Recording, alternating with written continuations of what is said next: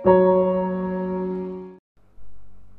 gua sebel ngelihat Spotify langsung campaign gila-gilaan tentang fitur terbarunya dia. Bukan berarti fitur ini sebelumnya nggak ada, tapi terbatas dan mungkin masih terbatas cuma lebih banyak penggunanya alias podcasternya yang sudah menggunakan fitur ini tuh udah mulai banyak tapi masih kalangan terbatas ya sekali lagi apalagi fiturnya kalau bukan podcast video. Podcast kok video? Damn. Podcast kok video? Aduh memang. Era globalisasi era se apa ya serba informasi itu dianggap murah. Orang bisa dengan serta merta mengganti istilah. Bingung bingung gue kayak nanti nih ya kalau istilah selain uh, podcast video itu kan ada lagi tuh. Kayak contoh dulu itu gay itu cuman cowok sama cowok lama-lama istilah itu berubah gay itu cewek sama cewek juga dihitung gay gitu ya. Gue jadi bahas gay lagi. Terus nanti bahaya ya begini-begini nih. Ntar kalau bahasa Indonesia misalkan kontol ya. Ternyata dulunya itu cuma berlaku untuk kelamin pria besok kelamin wanita juga namanya kontol. Itu jadi jadi makin terserah hidup lu gitu ya. Jadi suka-suka lu mau bikin istilah apa untuk apa itu suka-suka lu. Inilah akhirnya gue merasa pentingnya sebuah definisi sebuah glossary untuk mengurangi kerancuan untuk mengurangi orang berambiguria. Gue tuh sangat menyesalkan dengan istilah video podcast ini ya. Ya sedikit kita tarik mundur awal kenapa semua orang menyetujui konten ngobrol dengan sebuah mic di depan kepala beserta tangkainya. Itu berasal dari dua orang, dua sosok besar. Sebutlah Raditya Dika dengan Deddy Corbuzier. Gue sangat menyesalkan sih sebenarnya. Ya, dibilang salah mereka ya iya sebenarnya, cuman salah terbesarnya itu adalah pasti yang punya masa paling banyak. Ya ini menandakan orang Indonesia banyak banget yang betul kata Pak Nadim Makarim, critical thinking itu penting. Orang Indonesia itu belum bisa punya critical thinking yang oke. Okay. Gue kemarin juga lihat beberapa konten YouTube Dustin sama Wak Wow itu diuji kecerdasan verbal dan kacau banget dan itu jadi terkenal. Ini yang menandakan pentingnya pendidikan ya.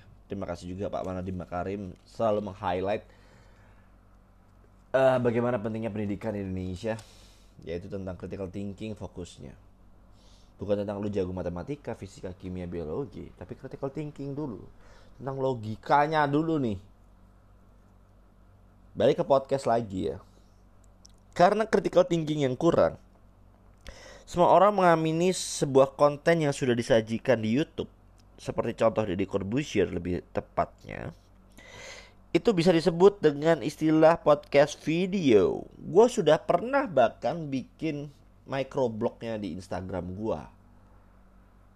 Dan alhasil semua orang memaki, semua orang menyalahkan seakan-akan mereka mengerti apa yang gue maksudkan. Padahal ya ketika dilihat dari backgroundnya, mereka bukanlah orang yang cukup punya pendidikan yang oke. Okay. Pendidikan itu bukan tentang formal aja tapi informal dan track recordnya dia seperti apa. Ya mungkin konten ini akan sangat judgmental, tapi gue tidak peduli sayangnya. Kenapa? karena menurut gue menyedihkan sih harusnya tidak seperti ini gitu ya Orang Indonesia kan kenalnya dari Raditya Dika sama dari Corbusier ya konten podcast itu ya tadi yang sudah gue sebut di depan ada meja setting tongkat mic terus ada mic orang ngobrol berdua bertiga. Padahal bukan seperti itu. Harusnya kan podcast itu adalah artinya sebuah pembicaraan yang bersifat audio direkam sehingga orang bisa menikmatinya secara on demand atau terserah dia mau dengar atau enggak. Karena kan ada judul ya orang bisa tahu kayak oh ya begitu ya. Ini podcast tentang apa? Misalkan tentang self development misalkan tentang bisnis misalkan tentang kripto komedi itu macam-macam sedih waktu ya. Kok bisa itu? Ada istilah podcast ada videonya sebel gue ini kalangan-kalangan youtuber ini yang mungkin ketika mereka punya anak anaknya juga akan berteriak di depan guru TK-nya nak kamu besok akan jadi apa nak? Cita-citamu apa nak? Youtuber! Ini.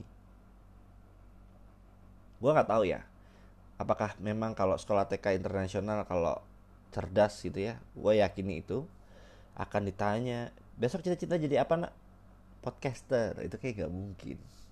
It's almost impossible buat anak-anak itu untuk bercita-cita menjadi podcaster. Karena siapa sih yang mau cuma dikenang oleh karena suaranya doang? Tapi tidak ada wujudnya. Jadi kayak menyembah setan gitu ya. Bisa kedenger suara kresek-kreseknya kadang-kadang ada auman auman serigala auman auman harimau tapi tidak terlihat wujudnya Siapa yang mau dianggap seperti itu pasti tidak ada. Tapi yang menganggap ada seperti itu atau eksistensinya berlaku itu adalah orang-orang yang cukup cerdas bisa memilah dan menilai informasi yang disampaikan tanpa harus melakukan judgement terhadap sosok secara fisik. Misal, ada kan beberapa tutorial di podcast, lu kan dapat informasinya gitu ya. Ya informasinya berharga. Lu tidak perlu memikirkan nih orang ganteng mata satu mata tiga mata empat titik dua titik satu nggak perlu. Jadi enak gitu ya. Ini banyak banget kok yang ngerti lagi. Ada banyak di YouTube dan sekarang dilegalkan oleh Spotify. Dan menurut gue Spotify akan menghadapi kehancuran dengan melakukan terobosan-terobosan aneh macam seperti ini. Karena kan dia habis cerai sama Joe Rogan kan Spotify. Dia sadar gitu. Joe Rogan itu juga sebenarnya nggak butuh-butuh amat sama platform video podcast lo itu. Coba gue cari di YouTube ya. Biasanya sih banyak sih ini video-video yang aneh-aneh video podcast gitu ya podcast gitu aja ya podcast. Apa aja yang keluar ketika saya search podcast?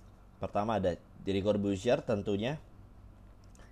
Agak lain bisa dibilang ini podcast karena memang terkenalnya start dari platform podcast yaitu Spotify lalu TS Media.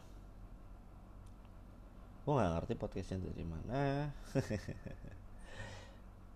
Terus ada lagi Sport 77 terus podcast naik kelas. Ya sekali lagi ini adalah pendapat gue kalau nggak setuju urusan lu. Terus ada lagi yang ngomong improve ini bahasa Inggris ya improve your English listening skill with podcast. Tuh. Keren. Banyak banget nih podcast podcastan gini nih cuman kadang ketika saya cari podcast podcast ini di platform Spotify tidak ada gitu sih. Gue salut sama beberapa orang. Kenapa? Pede gitu bilang ini konten konten podcast. Ini gue kasih tahu ya buat yang simpang siur itu sebenarnya artinya atau definisinya apa. Itu namanya konten talk show masa semua acara talk show di TV lu ganti ini konten podcast. Cuman karena ada mic gede dan ada tangkai. Pembedanya mah cuman itu gak ada lagi. Bahkan gue kayak selalu template gitu melihat beberapa cover thumbnail yang ada di YouTube. Selalu muka besar ada dua orang gitu ya ngobrol gitu. Kagak ngerti gua. Ya memang di luar negeri sudah terjadi tren seperti ini sehingga beliau seperti Deddy Corbuzier membawa budaya itu ke Indonesia. Tapi yang dibawa video podcast karena podcast OG atau yang original adalah yang mempopulerkan Adriana Colby. That's why banyak orang menyebut dia sebagai bapak podcast dan itu benar. ya, ya sedih sih gue. Lu kebayang gak sih maksudnya ketika misal nih konsep dari video podcast itu berhasil di Spotify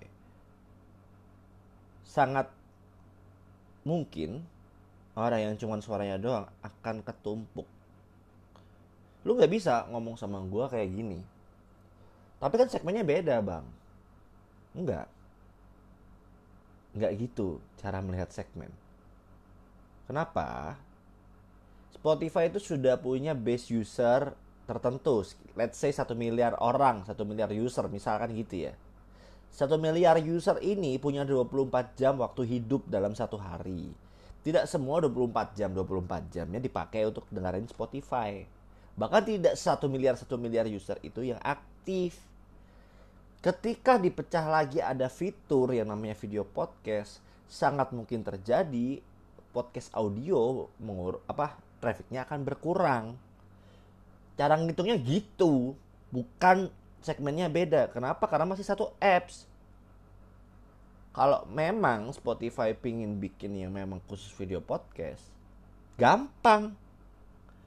Lu tinggal aja bikin platform sendiri baru, bukan Spotify. Namain apa kayak gitu kayak. Karena sampai hari ini menurut gua yang sangat-sangat comfort untuk disebut platform podcast dalam top of mind gue bukan Spotify ketika sudah ada noise. Kepala gue cuma noise. Ya nomor satu ya top of mind podcast. Dan gue nggak berharap noise ada videonya one day. Kalau emang ada gue sedih. Karena udah mulai kayak ngejar duit semua. Maksudnya ngejar duitnya gitu banget gitu ya. Bukan berarti nggak ada duitnya video podcast tuh ada. Karena orang-orang banyak yang misunderstanding ke sana gitu.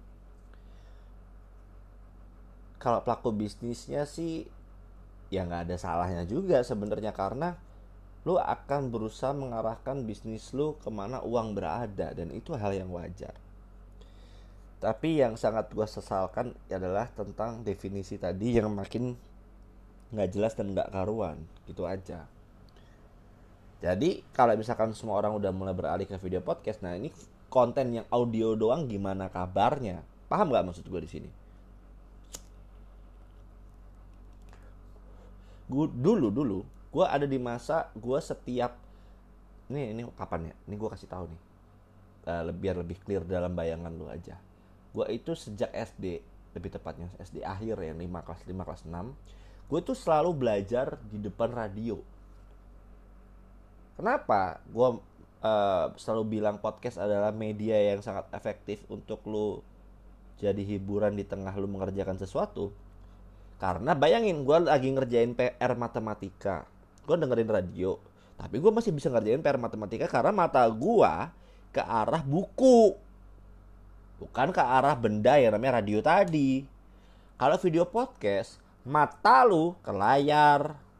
Bukan ke kerjaan lu misalkan. Layar lu lagi buka Google Docs kerjaan ya. Terus yang lu lagi nikmatin adalah video podcast mau itu layar lu partisi jadi dua konsentrasi lu pasti kebelah maksudnya secara visual tapi secara kuping belum tentu ada juga memang yang ke distract karena konten audio sehingga dia harus silent gitu ya lingkungan bekerja atau belajarnya dia. Tapi ada juga yang kalau sepi malah dia nggak bisa belajar atau nggak bisa kerja. Atau bahkan nggak bisa tidur. Ada gua gitu. Kalau terlalu sepi nggak bisa tidur gua.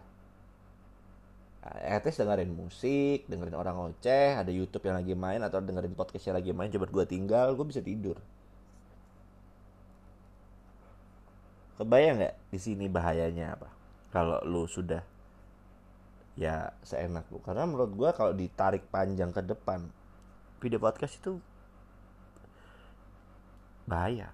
Karena udah terjadi. Ya orang youtuber tuh bisa rame kan karena dia ngeganggu rutinitas. Tiba-tiba lu yang biasanya ngerjain PR misalkan anak SD anak SMP tiba-tiba dia malas ngerjain PR dan nonton YouTube orang yang sudah punya anak pasti paham omongan gua.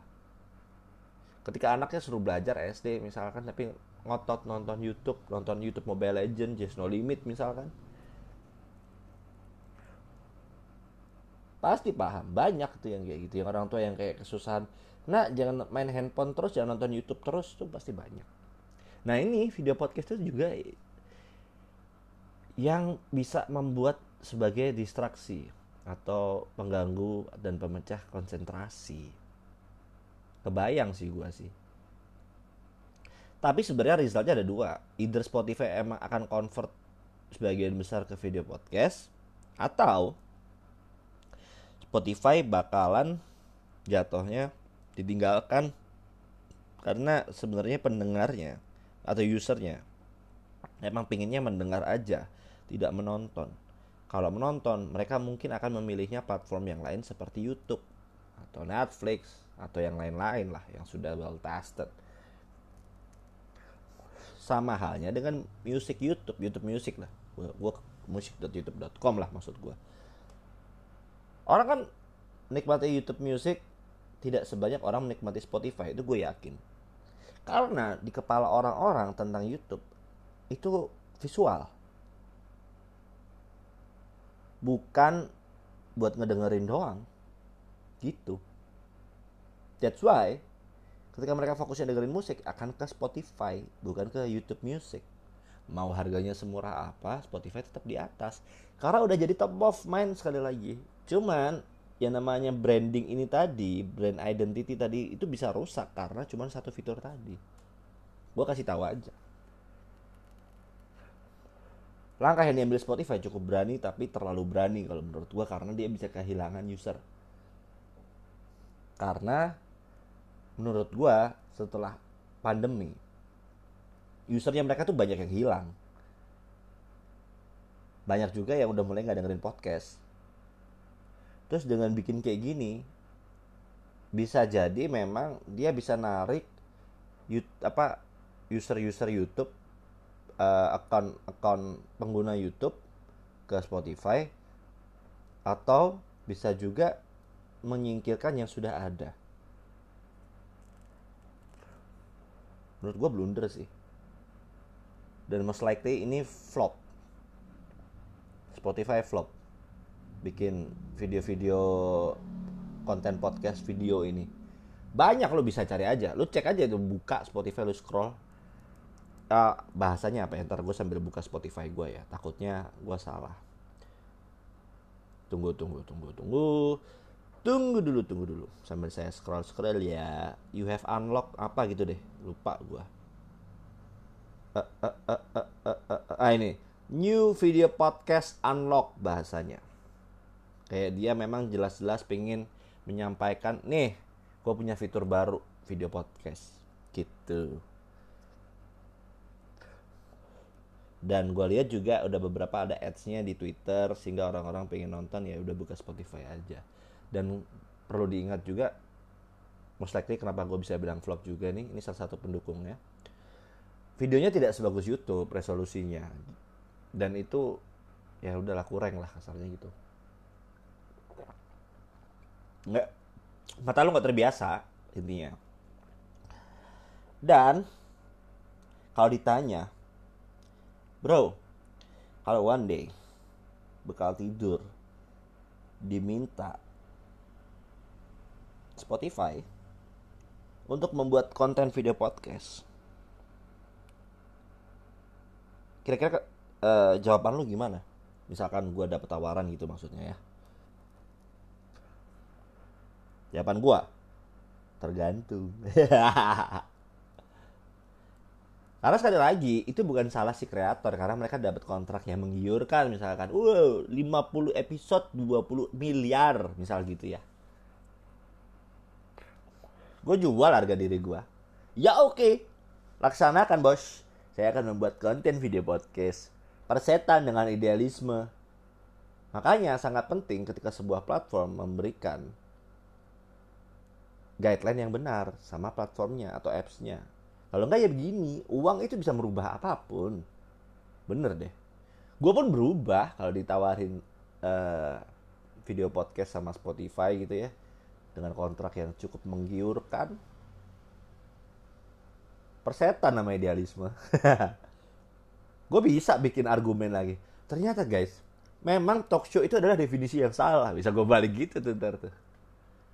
Tapi ya semoga gue tidak segitunya apa ya mengharapkan nominal ya. Karena nominal itu datang dengan sendirinya. Gitu ya. Bisa aja dengan kontrak Spotify. Nggak nggak nggak nggak. Nggak gitu ya. Intinya ya gue berharap Spotify tetap jadi platform podcast yang dibanggakan semua podcaster waktu pandemi ya. Karena ketika gini kita podcaster dan pendengar kita bisa dengan gampang beralih ke noise kalau emang tidak ada kontrak bayangin ya Spotify, wahai Spotify. Noise itu udah gede. Mereka malah melakukan hal yang sebaliknya. Noise mengconvert orang yang dengan media personality visual untuk cuma didengarkan suaranya doang. Dan itu kurang lebih gue bisa bilang berhasil. Seperti Andre Taulani, Jerome Pauline, Onadio, siapa lagi tuh? Banyak. Memang ada yang gagal sih kayak Kaisang gitu gagal tuh. Ada tuh ada podcast Kaisang sama Hermawan Kertajaya. Gue kayak kasihan banget dah ini. Gue sih kayak sedih sendiri gitu dengerin podcast itu. Kayak podcast yang dipaksakan itu kan mungkin ya cuman karena nggak cocok aja sih harusnya menurut gue sih. Dan itu sebaiknya nggak dilanjutin sih noise nggak sih itu itu nggak banget sih. Mending mending stop deh. Nggak nggak ya yang crowd pooling malah cuman si Kaisangnya doang. Kalau Hermawan Kertajayanya kayak nggak karena yang tahu beliau kan usianya 40 ke atas ya kebanyakan. 35 ke atas lah. Yang bisa jadi tidak akan install noise gitu intinya gue tetap disikap gue video harusnya tidak podcast. Eh salah. Podcast harusnya tidak video. Gue jadi ribet gini. Bilang rokok sih. Ambil GERD juga sih. Wah parah parah. Ya gitulah ya kurang lebih. Intinya gue tuh ingin memberikan edukasi yang baik tidak bermaksud untuk menghardik satu sama lain. Apalagi sesama manusia. Kita harus saling mengasihi. Ya dong masa harus saling mengkontol-kontoli tidak boleh. Itu tidak ada sopan santun dan etika. Parah itu. Tapi ya curcol sedikit nih. Gue sedih sih. Orang-orang yang bikin podcast di pandemi itu pada ngilang semua. Alasan sekarang udah sibuk. Ya iya kayak dia dulu waktu pandemi bikin podcastnya niat aja ya ngentot lu semua bye bye stay safe semuanya